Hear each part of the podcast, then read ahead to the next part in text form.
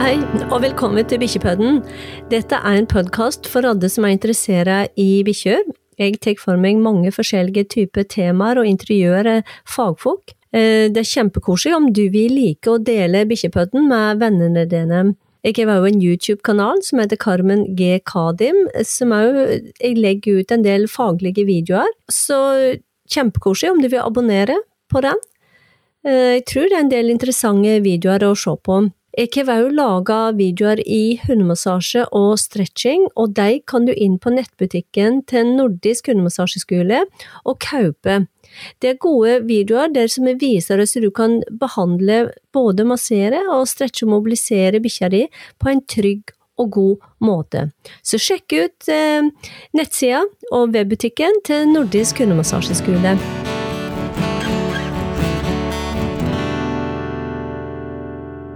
Hei, og velkommen til en ny episode av Bikkjepodden. I dag så er temaet hundemassasje.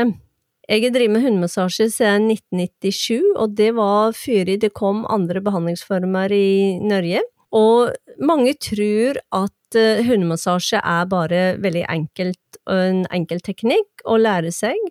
Men når jeg får eh, elever på kurs, så begynner jeg plutselig å oppdage at det er et mye større tema og omfattende enn eh, bare det å lære en teknikk. Med meg i dag så har jeg Sivi Endresen, som òg brenner veldig for uh, hundemassasjen, så vi har egentlig tenkt at vi skal intervjue hverandre. Så det blir meg som en samtale, en dialog på dette her med hundemassasje. Så velkommen, Sivi. Takk, takk.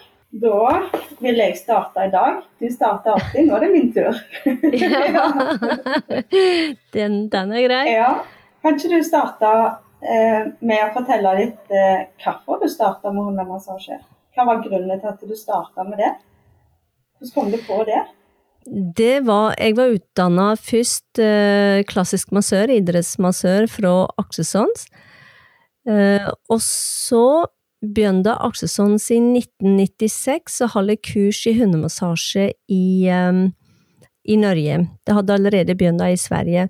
Og jeg tok vel menneskemassasjen i 88-89.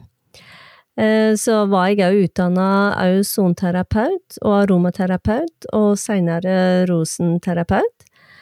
Eh, men når Akselsons begynner med hundemassasje, så ble jeg veldig interessert og spurte dem om ikke jeg kunne bli lærer i hundemassasje for deg. Ja. Og da sa de ja, og så i 1997 så, så begynte jeg å holde kurs for dem. Og, og, grunnen til det at jeg var interessert i det, for at eh, jeg har sju venirsk setter, og begynte å massere henne, og så at det første man legger merke til når man ser ei bikkje, det er at de liker det. Bikkjer òg liker berøring, og både taktil berøring og den her bevisste berøringen, og det, det er liksom den første tilbakemeldingen som en får når en begynner å massere bikkjer bikkjene. Eh, og så var jeg sammen med en finnmarking som har en irsk setter som ramla fra et stup inn på Vrangehalvøya og brakk lårhalsen. For de som ikke har vært i Finnmark, så er de ikke klar over at der er det enorme avstander. Og for det første så bar han bikkja hjem igjen i åtte timer. Han la atter hagla og sekken. Jeg veit mange jegere har helt sikkert kommet til å avlive bikkja der og da, og mura ned. Men han bar den bikkja hjem igjen, og han måtte bære den veldig forsiktig av det bruddet i låret. Eh, som sagt, oppe i Finnmark så er det ikke en veterinær rundt hvert hjørne, hushjørne, som det er sørpå. Eh, så han, det var vel ingen veterinær i Vadsø som ville ta på seg og gjøre noe med bikkja, så han kjørte til Tana. Jeg er ikke helt sikker på at det var slik det var, men han, jeg vet han reiste til Tana, og det er sju miler mellom Vadsø og Tana, og fikk eh, spjelka Rocky.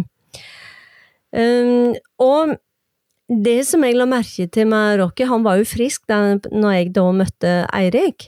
Uh, det var det at når vi har vært ute og jakta og trena, så kunne jeg se at han var stivere i det låret som han har hatt brudd i. Uh, på den tida fantes det ingenting som heter rehabilitering.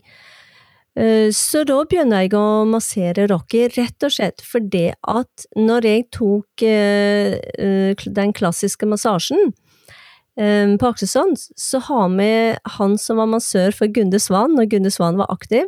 Han var idrettsmassør, og han lærte Kenupi i forhold til idrettsskader. Og da lærte vi hvordan vi som massører kan komme inn i den rehabiliterende fasen etter brudd og, og, og muskelskader. Og da tenkte jeg, ja, men bikkjene òg hever muskler. Og så tenkte jeg liksom, kan ikke jeg òg bruke de rehabiliteringsmassasjeteknikkene på Rocky, og det var det jeg gjorde. Men min frustrasjon var det at jeg hadde jo lært grunnleggende anatomi når jeg tok humanmassasjen, og jeg tenkte at hvis jeg skal massere ei bikkje, så må jeg òg kunne grunnleggende anatomien på bikkje. Um, og da begynte jeg å studere det. Også, som sagt, så begynner Men jeg har liksom ikke heller kunnskap om massasjeteknikken det om jeg var humanmassør, og mange sier at ja, men jeg er humanmassør, da kan jeg massere bikkjer. Men det, vi bruker samme navnet på massasjeteknikkene, men vi bruker ikke Men teknikkene blir ikke gjort på samme måten fordi at bikkjene hever pels, og så kan du mer lyfte på skinnet deres. Du har ikke samme kontakten med musklene som du hever på uh, humansida. Så jeg begynte å studere da anatomien til bikkjene. Eller jeg har jo da hatt uh, litt opplæring på aksons, men jeg begynte nå å fordype meg meg og meg i, um, i anatomien, for jeg mener at man må kunne den, i tillegg til ledd- og skjelettlære. Så slik har jeg på en måte utvikla meg, og um, så når jeg skulle holde kurs, jeg har helt kurs for Oslo fylkeslag, altså for Blindeforbundet, og hadde blinde på kurs, da skjønner jeg det at eh, jeg måtte legge opp undervisning på en annen måte. Jeg måtte begynne å legge hendene mine, jeg var nødt til å legge hendene mine på de blinde, og, og vise dem hvordan bikkja kjentes ut av muskulaturen og, og massasjeteknikkene. Uh, og um, så begynner jeg å skrive anatomi og den første anatomien jeg skrev, jeg tok for meg én og én muskel, og det, da starta jeg med de overfladiske musklene. Det fikk jeg lønn av Blindeforbundet for, og så ble det jeg skrev, det ble gjort om til punktskrift, slik at de blinde òg har egentlig en egen faglitteratur. Ja, så bra. Ja, og så bygde jeg videre på den faglitteraturen, slik at jeg skrev eh, Jeg har jo skrevet 500 sider faglitteratur i anatomi eh, og fysiologi, og så har jeg da utvikla flere behandlingsteknikker, fordi at mange tror at uh, massasje Alle lærer den overfladiske massasjen, som hører til den klassiske massasjeteknikken som effleurage og petrisage og sirkler og friksjoner. Mm, men jeg har alltid, det gjorde jeg òg når jeg jobba på humansida, jeg begynte å lære meg triggerpunkter. Um, jeg gikk inn og, og dybdebehandla muskulaturen, og det har vi gjort på bikkjene òg. Jeg har liksom lært å palpere, altså lokalisere én og én muskel, uh, kjenne på kvaliteten i muskelspenningen. Uh, og så kjører jeg dybdemassasjeteknikk i hver enkelt muskel, og så finner jeg, hører jeg låsingen i en muskel, og så løser jeg på den. Og da har du en mye mer omfattende uh, form for massasje. Da får du løse opp kroppen på en mye dypere plan enn hvis du bare kjører de overfladiske klassiske massasjeteknikkene, for de er veldig ok, de blir mer som en oppvarming av sirkulasjonssystemet, og få i gang sirkulasjonssystemet, få vekk avfallsstoffene. Og så må man da ned i dybden på muskulaturen for å finne ut hører er muskelen spent. For det som jeg syns er superinteressant, det er jo at hvis du hever én muskel som er spent, så er det ikke nødvendigvis hele muskelen like spent. Du finner den delen på muskelen som er mest spent, som jeg kaller i gåsehud en låsning. Når du løser på den, så begynner hele muskelen å slappe av.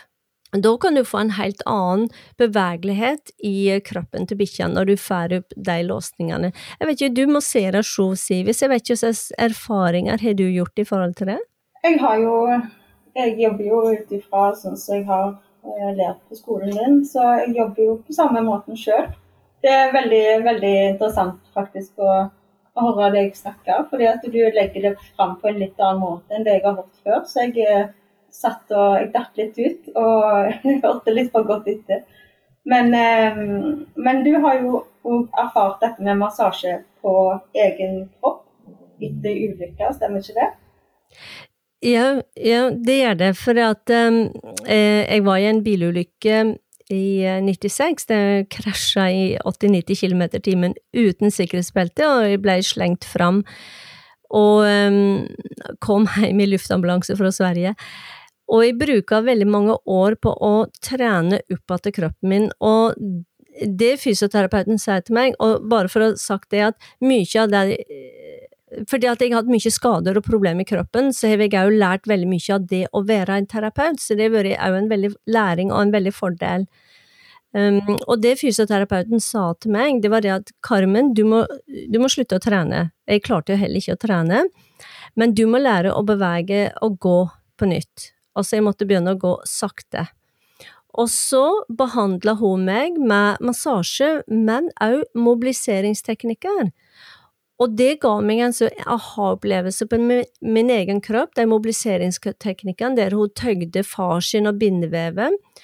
Uh, at um, jeg utvikla de teknikkene òg på hund, og så lurer jeg, grubla jeg veldig lenge på skal jeg lære dette ut til elevene mine, jeg kaller det for bindevevsmobilisering, eller ikke. Men uh, det har vi gjort, og for meg så er da massasjen sammen med dybdemassasjen triggerpunkter, og så er det mobilisering og stretching, det kjører jeg sammen, og òg den bindevevsmobiliseringen, det er liksom når jeg kommer til den delen, så er det akkurat som det er prikken i vien i behandlingen. Da føler jeg at jeg får liksom løse opp hele kroppen til bikkjene. Um, så etter den ulykka, når hun hadde da løst på kroppen min, og så begynte jeg gradvis å trene opp igjen støttemusklene uh, med det som heter redcore, eller terapimaster, bruker jeg dag. I dag så bruker vi balanseputer på bikkjene. Blant annet for å trene støttemusklene, så bruker vi balanseputer og vibrasjonsgulv. Uh, og når jeg, jeg bruker vel sju år på å trene opp igjen støttemusklene, for jeg hadde jo nakkeskade. Eh, også mange ganger jeg var kvalm og spydde og lå i bilen etter å ha vært på fjellturer. Mange ganger jeg kom ikke ut av bilen, og jeg sleit i lang tid med det. Så begynte jeg å trene meg opp eh, Ja, jeg sier det tok sju år med å trene støttemusklene. Jeg sto veldig mye på én fot, jeg trente veldig mye balanse. Uh, og, um, og, så begynte jeg å sakte, men sikkert å komme meg, og i dag ja, så begynte jeg med styrketrening for en fem år siden, men da måtte jeg òg ta det forsiktig. Men nå, de siste to årene, nå kan jeg løfte vekter uten at det blir dårlig. Nå har jeg styrka kroppen min så bra. Eh, så derfor tenker jeg veldig mye på at eh, når det er snakk om rehabilitering, veldig mange driver med rehabilitering uten å behandle bikkjene med manuelle teknikker, som massasje blant annet, og, og det blir veldig feil for meg, fordi at når du har en, en kropp som er skada, så har den òg kanskje ikke så dramatisk som min kropp, men eh, når ei bikkje for eksempel hatt smerte i, lang tid, så vil den avlaste. Eh, og da legger den seg til et bevegelsesmønster eh, som gjør at når den er smertefri, så vil den kanskje fortsette med det bevegelsesmønsteret. Den vil ikke belaste kroppen riktig. Og jeg kan forklare det på en annen måte, at eh, jeg har en gutteøyne som er cerebral parese, og han, tå, han, gikk på tået, men så ble han operert. De opererte eh, osteotomioperasjon i hofta og flyttet flere muskelfester, slik at han skulle forbedre gangfunksjonen. Men han, eh, når han ville springe fort, så gikk han fortsatt, da sprang han på tå. Og så sier jeg til han at eh, ja, men nå kan du sette ned foten, Alexander, for nå har du liksom, nå er jo du lettere for deg å sette ned foten. Han har blitt fysioterapeut og lært at han skal sette ned foten, sette ned foten. Og så sier han at ja, men mamma, det er lettere for meg å gå sånn. Og det forsto jeg fordi at han hadde gjort det hele sitt liv, for han var veldig liten. Uh, og da har vi liksom iverført det litt til bikkjene, at bikkjene som kanskje har hatt smerte veldig lang tid, kanskje når de er veldig unge, fra de er veldig unge, så er det kanskje et ADL, HDL, et eller annet som har gjort vondt. Så vil de legge seg til det, det gangmønsteret, Uh, og gjerne da uh, på en måte hjernevaska på, på det bevegelsesmønsteret. Og da nytter det ikke å si til ei bikkje at nå kan du bevege deg på en annen måte. Uh, og da har den kompensert. Og da må man gange inn med de manuelle mm, teknikkene, må inn og massere bikkjene og mobilisere deg for å løse på spenningene, og sekundært så skal man begynne å trene opp igjen eh, i forhold til den skaden. Ja, når hunden først eh, har lært seg å gå skikkelig, sant? og så trave skikkelig, og så kan man begynne å trene, stemmer ikke det? Ja, men du kan si det at det er veldig vanskelig I starten, jeg hadde ei bikkje som som hadde gjengitt feil hele sitt liv. Den hadde osteokondrose i begge bakkne, og ble operert, og så var han bra til. Og dette var før rehabiliteringen kom, før det kom med svømmebasseng og vanntredemølle.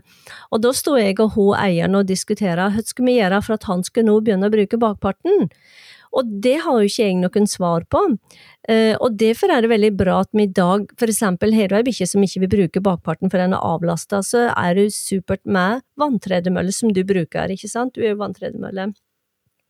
Og da, og da vil bikkjene bli tvungen til å begynne å bruke bakparten, og begynne sakte, men sikkert å styrke bakparten. Absolutt. Så, mm. Men det må jo være en kjempefordel for deg, i og med at du har hatt skader på egen kropp. For jeg tror kanskje at hvis man har jeg tror det gjelder det meste, egentlig. At har man litt eh, erfaring på personlig plan, så klarer man bedre å sette seg inn i hvordan kanskje hunden har det. Ja, og det er jo derfor vi hever da den rehabiliteringsutdannelsen da, etter den, det som heter hundemassasjedelen, som er da fem moduler. Da, da, må elevene lære for det første grunnleggende anatomi og fysiologi, og nå lærer jeg ut enda mer grunnleggende anatomi enn det jeg faktisk lærte i Sjov når jeg tok uh, humanmassasjen, for jeg synes det er veldig viktig.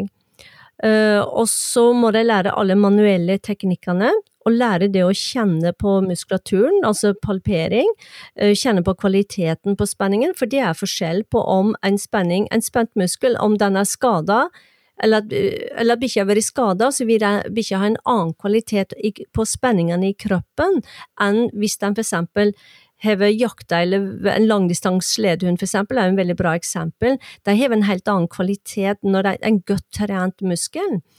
Eh, og derfor bruker eh, jeg så lang tid på å lære elevene og bevisstheten med og følsomheten i hendene, kjenne på kvaliteten, kjenne på muskelspenningene, hvordan kjennes denne bikkja ut?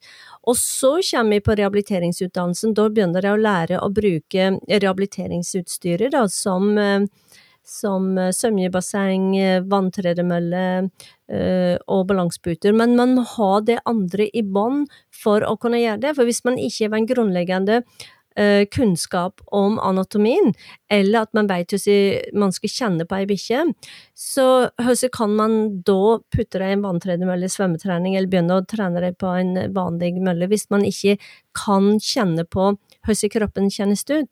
For man må først som jeg sier, løse på spenningene i kroppen, så må man begynne å trene støttemuskulaturen, slik at de begynner å fungere, propriosepsjon rundt leddet og så videre, og så skal man begynne å bygge opp kroppen. Det er jo slik som fysioterapi er jo egentlig Det er jo slik det fungerer i, ja, med fysioterapien. Mm.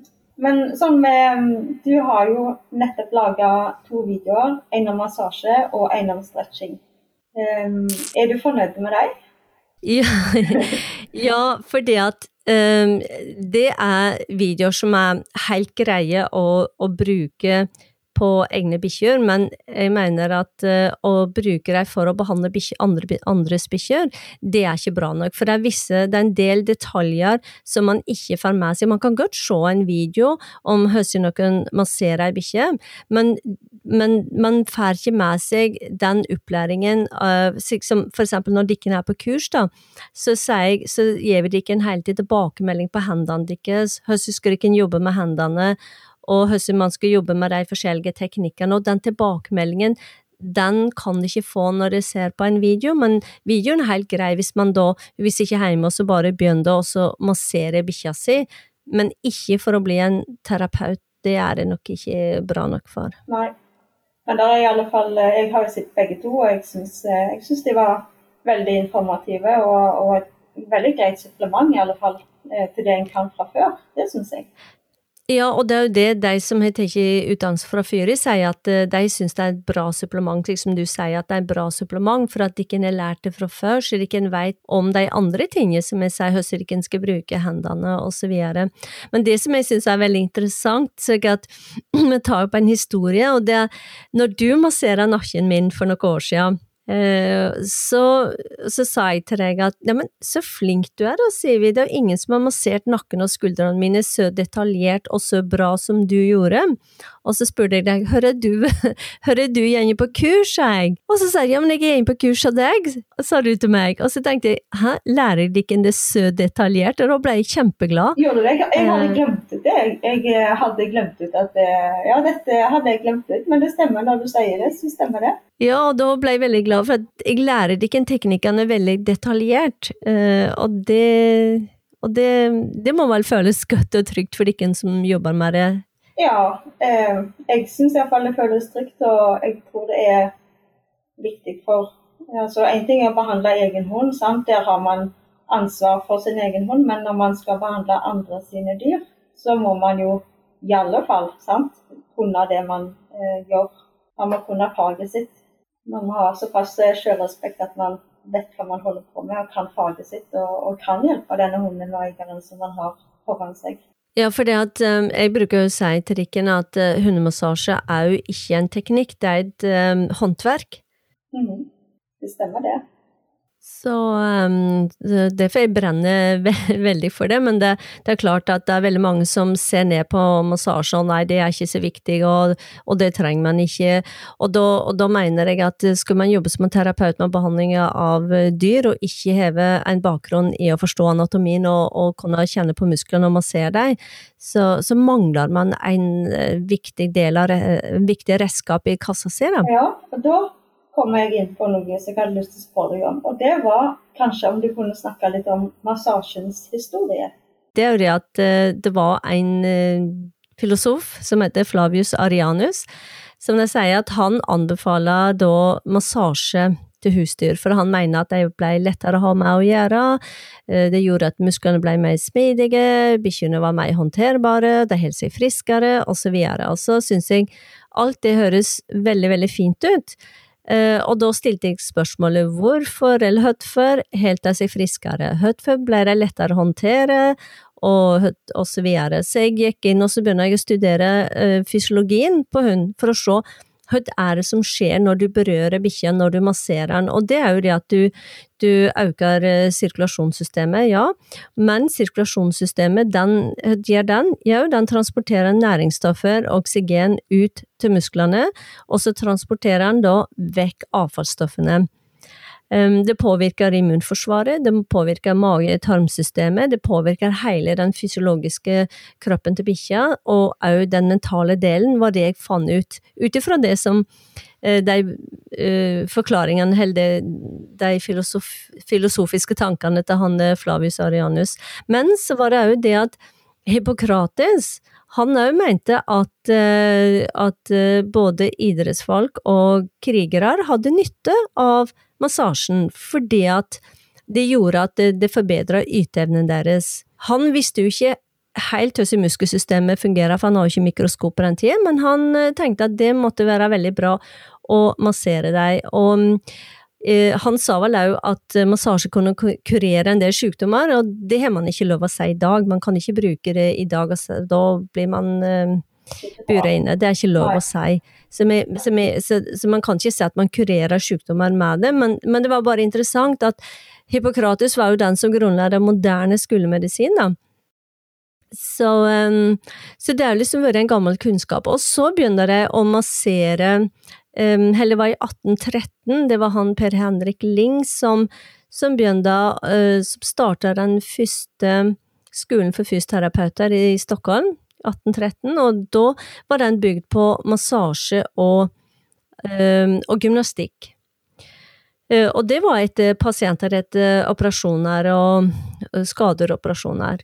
Og det var veldig interessant, for jeg så gamle bilder fra skolen til Per Henrik Ling, og det var jo bare mannfolk som var på skolen der, og de satt i hvite skjorter og dressbukser og ble massera det var ikke slik som i dag at, uh, at jeg tror nok ikke det er tillatt at ei dame kom og la seg i bare trusa for å få massasje. Men iallfall, det var han som utvikla de uh, massasjeteknikkene som vi bruker i dag, som vi hever av effleurage og petrisage og sirkler osv. Og så har det da dette her med dyremassasjen da eh, utvikla seg. De som massører var faktisk det begynte i USA at de begynner så smått å massere dyr. Det var en veterinær som så Han har skrevet en bok, faktisk, om, om The Healing Touch.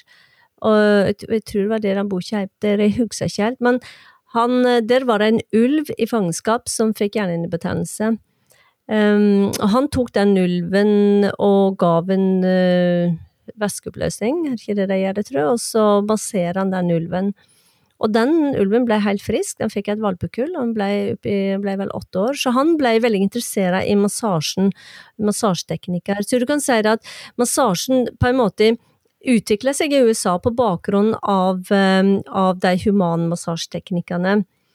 Eh, og så var det Marine Aksesson som eh, tok med seg da teknikkene tilbake, så hun var borte i USA og har hest og lærte seg hestemassasje og, og hundemassasje, og, og, tok det med seg tilbake til Sverige, Aksessons, og starta Akselsons Animal Massage School, og det var hun som begynte å Eller var hun som starta med det her da, i Skandinavia, det var, det var Marina, og som begynte å spre det.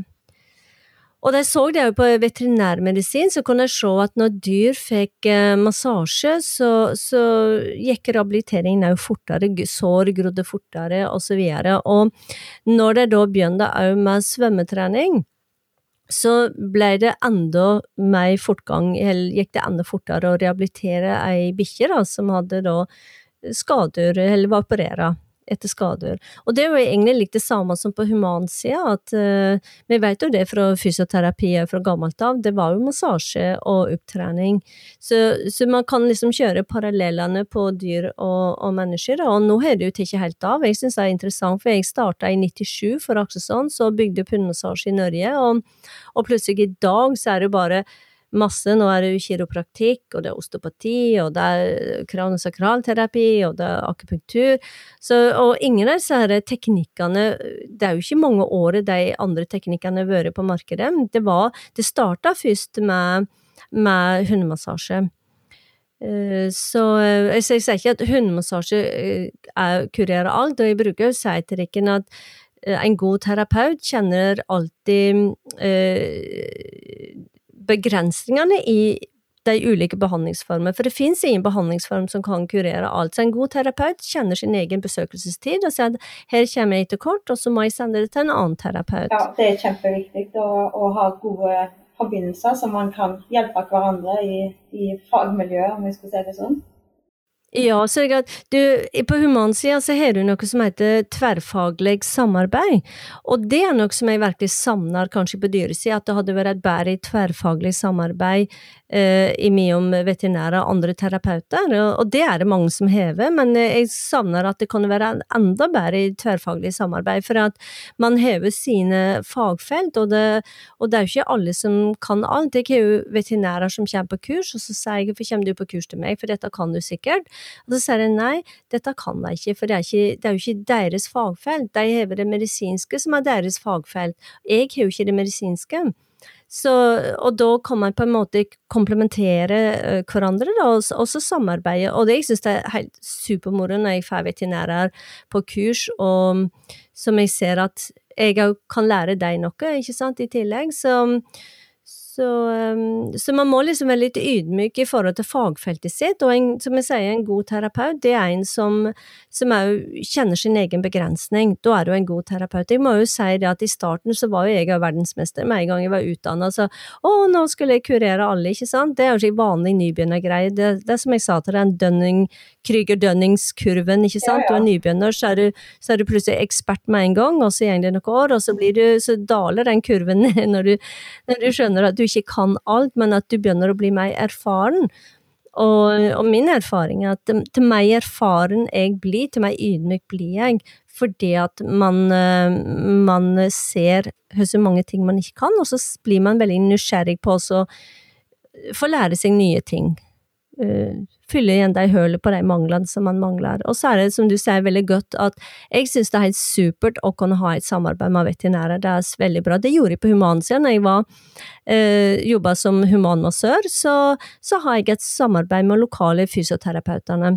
For at jeg kunne få inn en pasient som hadde masse spenninger, og så løste jeg på spenningene, og kanskje jeg måtte sende dem til kiropraktor.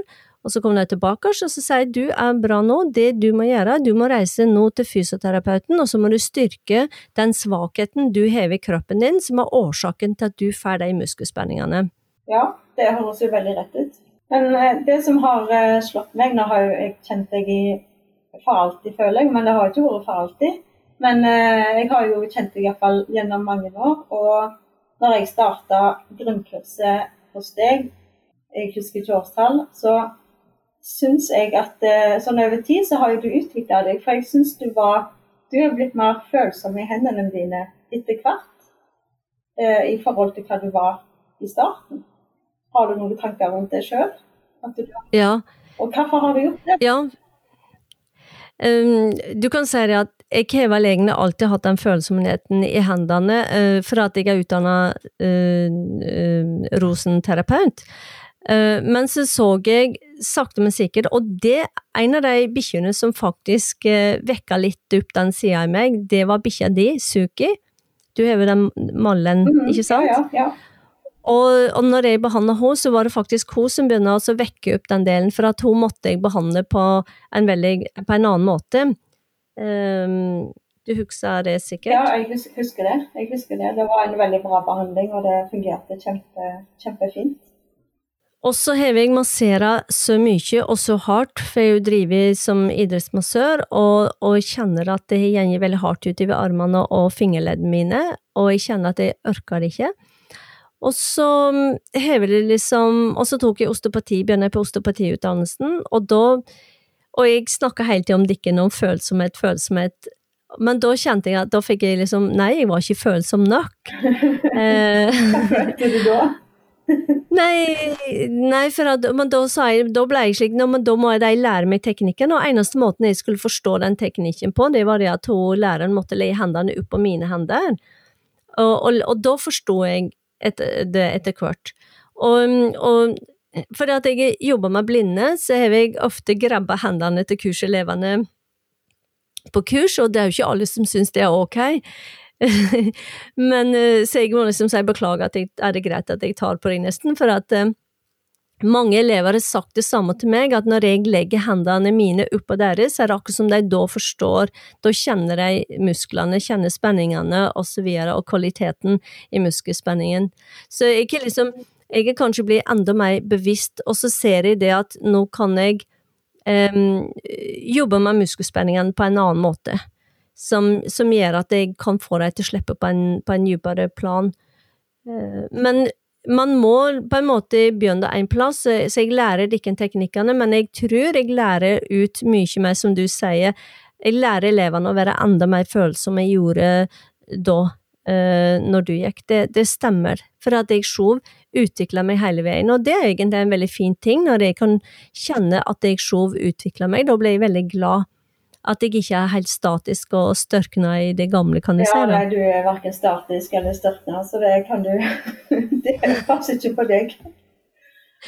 Så, men eh, meg og deg, vi er jo òg interessert i dette med, med det emosjonelle Hva var det du kalte det? Emosjonelle systemet? Det ja, det emosjonelle systemet. Det er fordi at uh, Um, når jeg begynner å massere bikkjene For det første så jeg har jo dressert og trent veldig mye fuglebikkjer.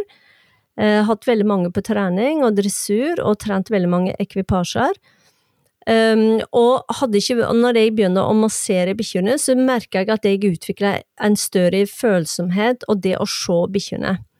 Uh, og det er jo noe som jeg sier på alle kurset. Jeg sier til elevene én ting jeg kan garantere dere, 100 er at etter grunnkurs så ser du, verken ser du eller tar du på ei bikkje på samme måte etterpå, og det bekrefter alle eh, at det stemmer.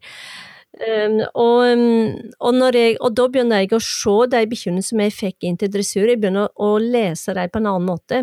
Jeg så at det når jeg for eksempel hvis du tar et bånd på ei bikkje, eller du ser bare ei bikkje på avstand, så, så, så kunne jeg ta meg sjov i at jeg Um, ja, nei, den bikkja, den er slik og slik. Altså forhåndsdømte den bikkja. Um, men når jeg begynner å ta og legge hendene på dem, så var det akkurat som jeg fikk blikkontakt med bikkjene. Det var akkurat som jeg så bikkjene på en dypere plan. Det var akkurat som hendene mine begynner å kommunisere med, med bikkjene. Men ikke bare det at de kommuniserer, men de åpna opp en del i meg. Så jeg følte at når jeg la hendene på, så var det akkurat som hjertet mitt åpna seg. Og så kan jeg begynne å, å, å se individet Altså, se, du mener, skjønner du Da så jeg individet. Jeg så ikke på bikkja eller rasen eller eieren, men jeg så det individet jeg eh, hadde, hadde der framfor meg.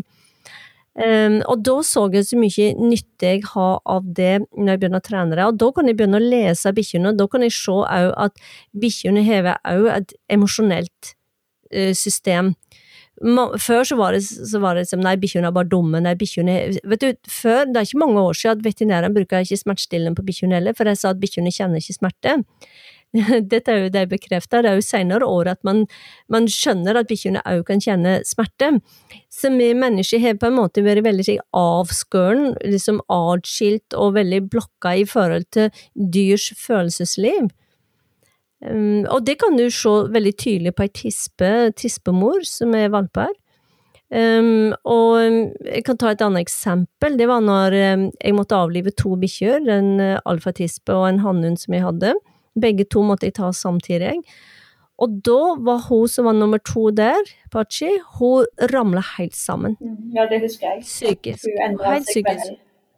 Hun ble veldig usikker og begynte å knurre og glefse etter andre bikkjer, og jeg tenkte herman, hun som har vært en drøm å ha på kurs, jeg bruker hun som demohund. Da begynner hun å knurre til bikkjene til kursdeltakerne, og ble, hun ble så utrygg, helt til hun da fikk et valpekull, det andre valpekullet sitt, hun hadde hatt det tidligere, men når hun da fikk det valpekullet, da var det akkurat som hun kom på plass igjen.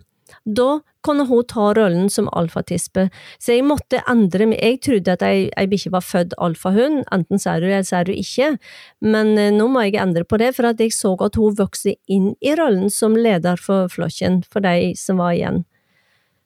Mm, så, så derfor skulle en egentlig um, kanskje bruke mer tid på å observere bikkjene sine, hva slags individ man hever framfor seg.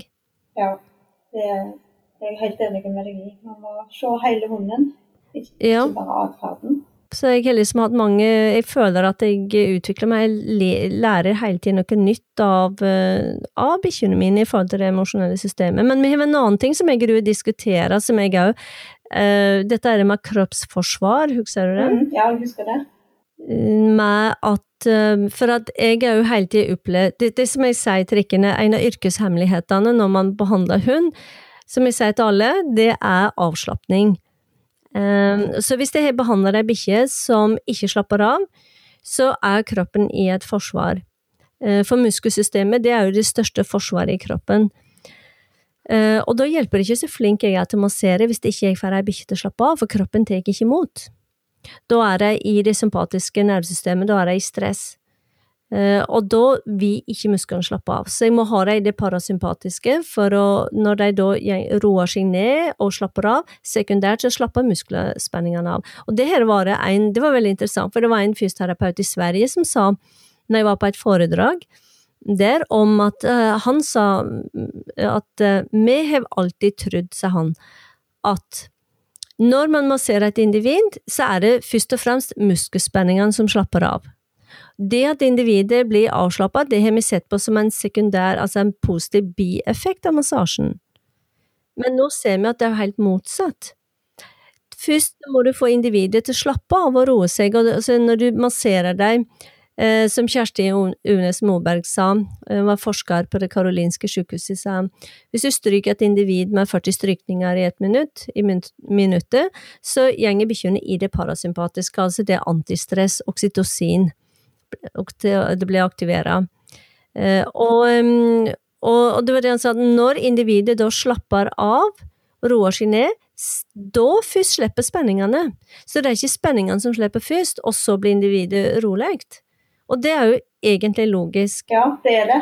Når du sier det sånn, så er det helt logisk. For det er jo, det er jo sånn erfaringsmessig gjort. Ja, at da er det viktig for bikkjene å slappe av. Så når jeg hever, Derfor lærer jeg bikkjene mine veldig mye ro, ro. Jeg herjer ikke med mine bikkjer. Jeg leter ikke springe inn i huset og herje fra de er små.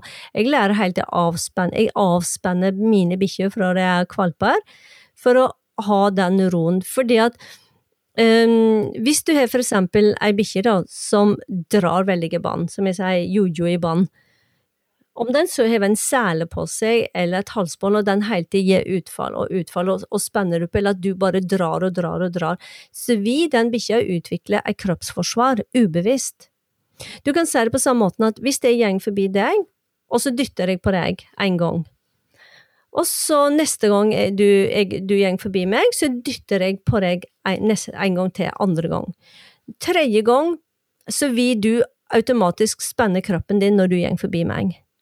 Det er det jeg mener med kroppsforsvar. Så det at man ubevisst spenner kroppen imot uh, en motstand eller et eller annet som skal skje. Og slik blir, tror på bikkjene òg, at uh, hvis de hele tiden får dra i bånd og røkke til, så vil de ubevisst bygge en kroppsforsvar uh, som vil òg påvirke stresset, det mentale stresset. Da vil jeg bygge opp stresset. Tror du om det, for du driver med hundetrening. Hva slags tanker har du rundt det? Oh, ja, det kunne vi snakket om i tre timer til. Det er masse tanker rundt det. Men jeg tror du absolutt er inne på noe. At eh, man må prøve, også, prøve å ha ting så finslig som mulig. Og, og ikke tenke så mye på om man bruker halsbånd eller sele, men ha fokus på at hunden ikke har, eh, har noe stramt rundt seg. At ikke hunden får sjanse å bygge seg opp, og, og enten det er sele eller halsbånd, men at man prøver å ta ting på en ryddig og rolig måte. Og som du sier, trene mye ro med hunden. At han blir vant med og at det, at det er det som er, det som er greia. Ja, og når jeg trener mine bikkjer på det, så bruker jeg veldig mye taktil berøring. Eh, det er jo det man gjør på, på babyer, taktil berøring. Da, da stryker man på huden med lett berøring. Påvirker da sanseapparatet. Og hvis jeg gjør det på, jeg gjør det på kvalpene allerede når jeg har dem i valpkassa, kvalpkassa, eller den perioden som jeg er valper, så bruker jeg mye tid på den strykningen, lange strykninger eh, og, og berøring, for å, å, skape både trygghet i forhold til hendene, men òg for at jeg vet at det påvirker det parasympatiske nervesystemet. Si når jeg stryker sakte ned ved ryen, hvis du stryker sakte ned ved ryen på bikkja på ryen til ei bikkje, så, så, vil du da aktivere det parasympatiske. Så jeg vil ha Jeg har jo jaktbikkjer, jeg har bikkjer som er veldig oppe i drift. Uh, så jeg behøver ikke å gire opp mine bikkjer meg.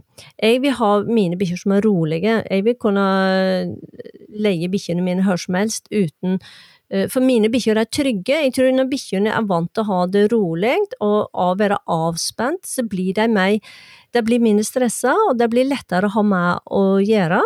Uh, og da kan jeg komme på besøk hvor som helst, og mine bikkjer er avspent i alle miljø, for at jeg har dem med meg i forskjellige typer miljøer. Ja, jeg husker når jeg kom på kurs, grunnkurset uh, i hundemassasje.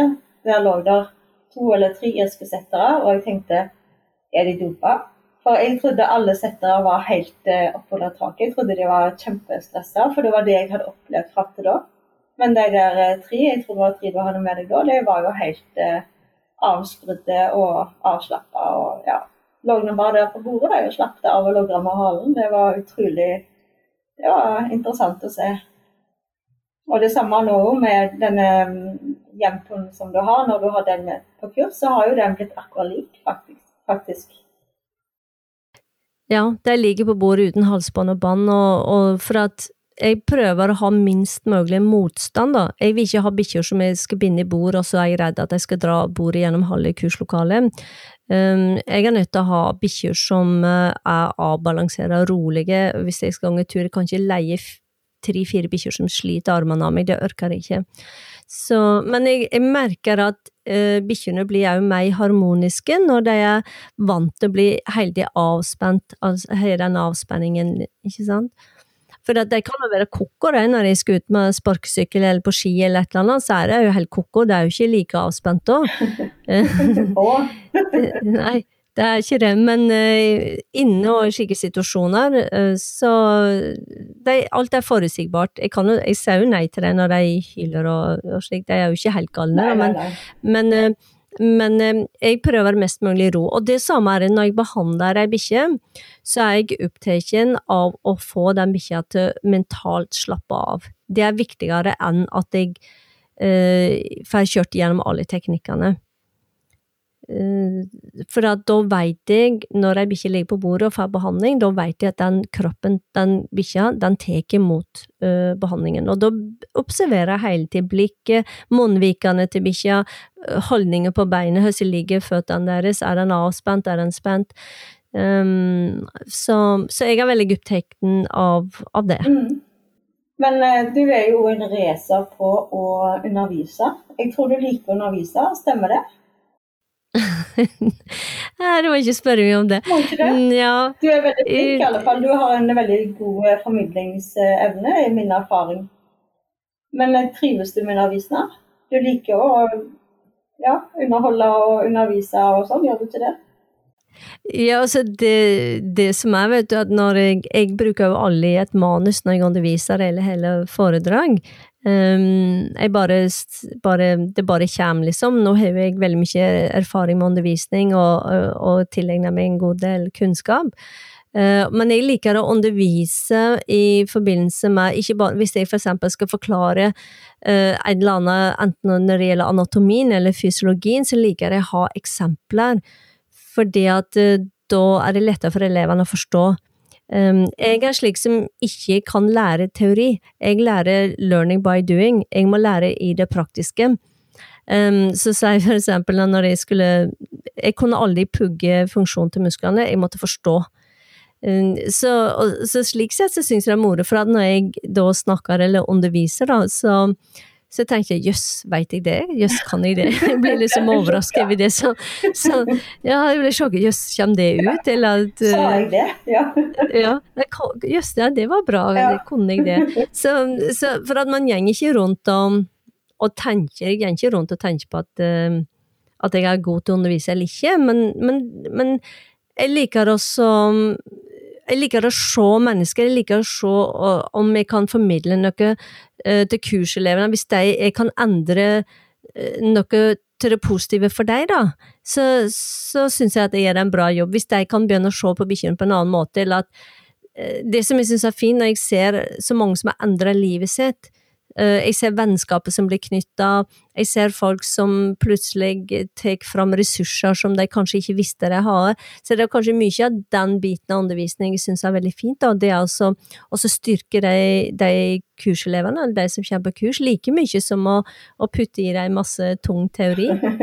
Ja, for du er god på den tunge teorien òg. Den er du ikke veldig flink på. Det er jo masse teori du har. Ja, det er det, er, og, det og det må det være. Så, så derfor er det en kombinasjon av teori og praksis og eksempler. Um, som er viktig, fordi at skulle man arbeide profesjonelt som hundemassør eller terapeut eller rehabiliteringsterapeut, så er jo det et yrke. Og, og um, hvis jeg skal reise til en terapeut og få behandling av min kropp, så vil jeg jo vite at den terapeuten er dyktig og, og kan jobben sin. Mm, ja.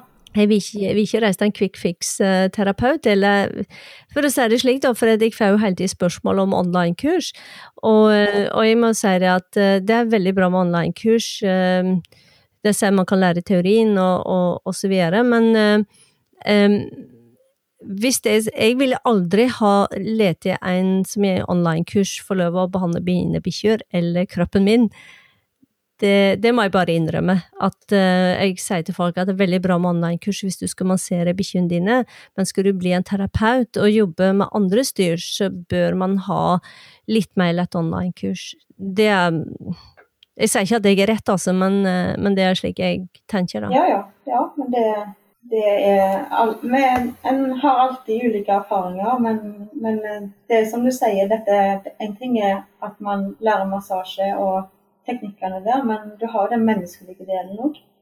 Og for man har jo alltid et menneske bak hunden, så man er jo ikke bare hundemassør. Man, av og til så er man jo psykolog og all slags, så det er viktig å ha alt med seg. Ja, og der er fordi at eh, på slutten av utdannelsen, på hundemassasjeutdannelsen, så har jeg noe som heter Terapeutens verden. Og, um, og det Og da spør jeg elevene har de tenkt på at du skulle bli terapeut, og da har de liksom gjengitt fem moduler. Nei, det har jeg ikke tenkt på. Ja, men eh, du er faktisk en terapeut når du er ferdig med utdannelsen her, og du, ikke bare det at du skal forholde deg til en fremmed hund, men du skal også forholde deg til en eier. Uh, og, så da, det kurset det handler om å, å forberede elevene på terapeutrollen. Og grunnen til at jeg gjør det, er for at når jeg sjøl tok uh, Rosen-metoden, så var det noe som jeg, fikk litt bakoversveis og sjokk at når jeg skulle ut og behandle pasienter, så følte jeg at jeg ikke var forberedt nok på terapeutrollen.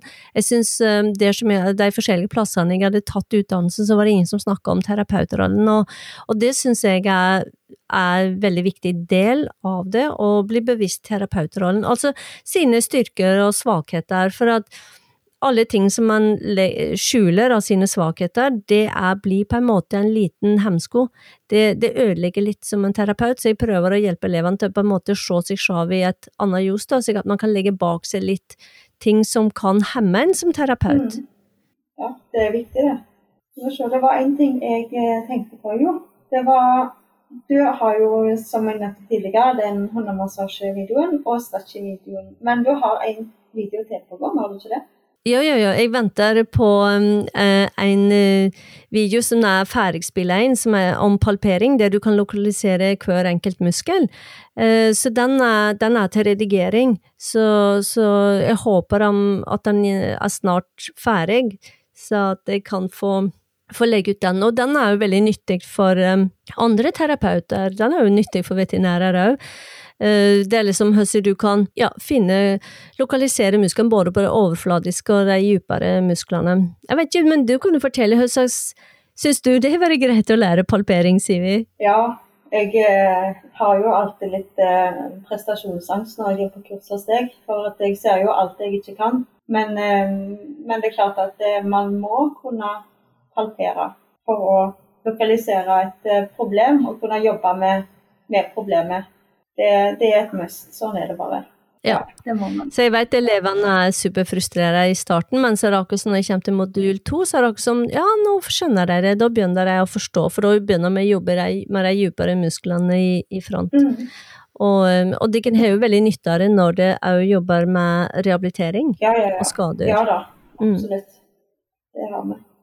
Men, ehm, men man, er det noe annet du har lyst til å si? Noe som mangler? Ja, nei, jeg vet ikke. Det er, det er, jeg kaller massasje for en bevisst berøring, fordi at man legger hendene på, så er man, bevis, er man hevet på en måte en bevissthet på hva man uh, kjenner. Og man kan bruke Mange tror at eh, ja, nå må jeg bare massere bikkja, men vi bruker òg teknikker for å kjenne gjennom bikkja, denne bevisste berøring. Um, og denne berøringen, den, den er jo en vennlig berøring. Uh, slik at jeg bruker det i all håndtering av dyr, så jeg bruker det ikke bare for at nå masserer jeg ei bikkje, men jeg prøver å ha den derre uh, i håndteringen av bikkjene mine hele tida denne bevisste berøringen. Men helt på slutten, kan du forklare hvordan en eh, massasjebehandling eh, ser ut, hvis det er en sånn standardbehandling, at du får en hund inn på første gang? Hvordan starter du? Og går det an å forklare det teoretisk eh, på en pod, tenker du? Ja, altså bare helt enkelt. Det som man gjør først, det er jo på en måte man, man, færre, man hører med eieren hva som er problemet, og så, og, og så mønstrer man bikkja. Uh, og så kjenner jeg igjennom bikkjene, og da kjenner jeg igjennom jeg noe som jeg kaller for undersøkende tryggepunkter. Uh, det er låsninger der det er uh, i er veldig tydelige og overfladiske, så jeg kan liksom kjenne fra nakken, bryst, skulder, rygg, bakpart.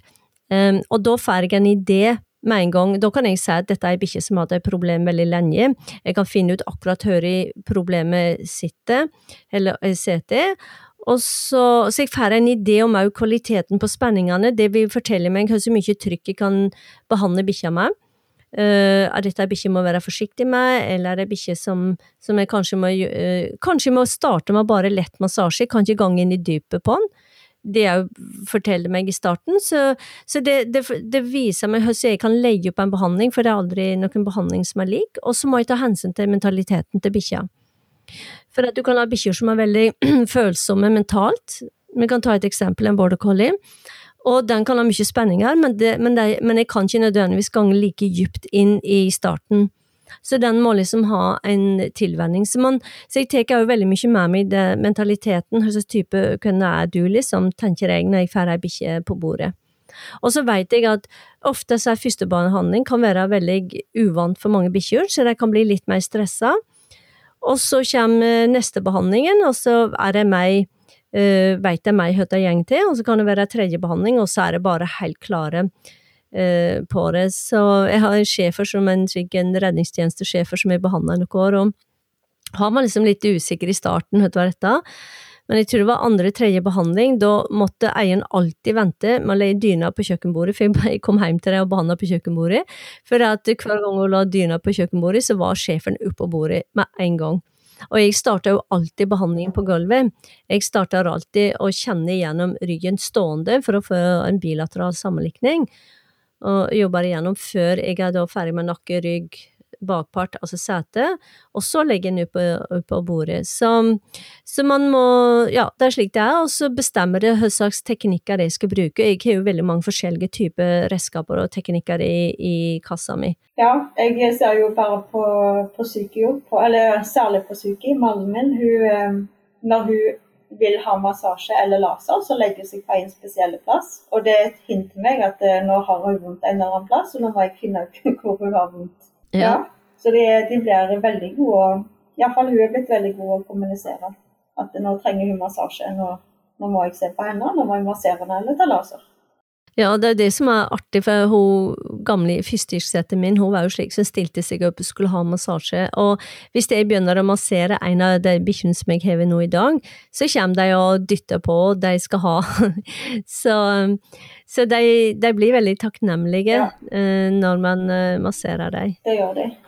Så jeg var en kurselev for mange år siden som sa til meg at et slikt kurs, et grunnkurs, det skulle ha vært obligatorisk for alle hundeeiere, for alle burde, og det mener jeg sjøl òg, at folk som driver aktivt med hund, burde ha en grunnleggende opplæring i, um, i anatomien til bikkja. Mm. Uh, så er grunnkurs, da får man liksom den grunnleggende anatomien. Uh, man behøver ikke ta hele utdannelsen og bli hundemassør, men, uh, men, å kunne anatomien og det å kunne kjenne gjennom bikkjene sine, det mener jeg alle som er aktive hundefolk har nytte av, for å oppdager man òg på et tidligere tidspunkt hvis det er bikkjer som har et problem ja. eller en skade. Absolutt. Absolutt. Mm. Men, men, dette var jo en grei dialog, eh, var det ikke det? ja. ja da, det var jo litt uvant at jeg ble stilt spørsmål, men det var, det var ok, Sivi. Ja, det var det. det, Så det. Ja, jeg er ja. det. Yes, nei, men vi holder kontakten med, så Det gjør vi, vet du. Yes, ok. Ha det bra. Det får du òg. Ha det.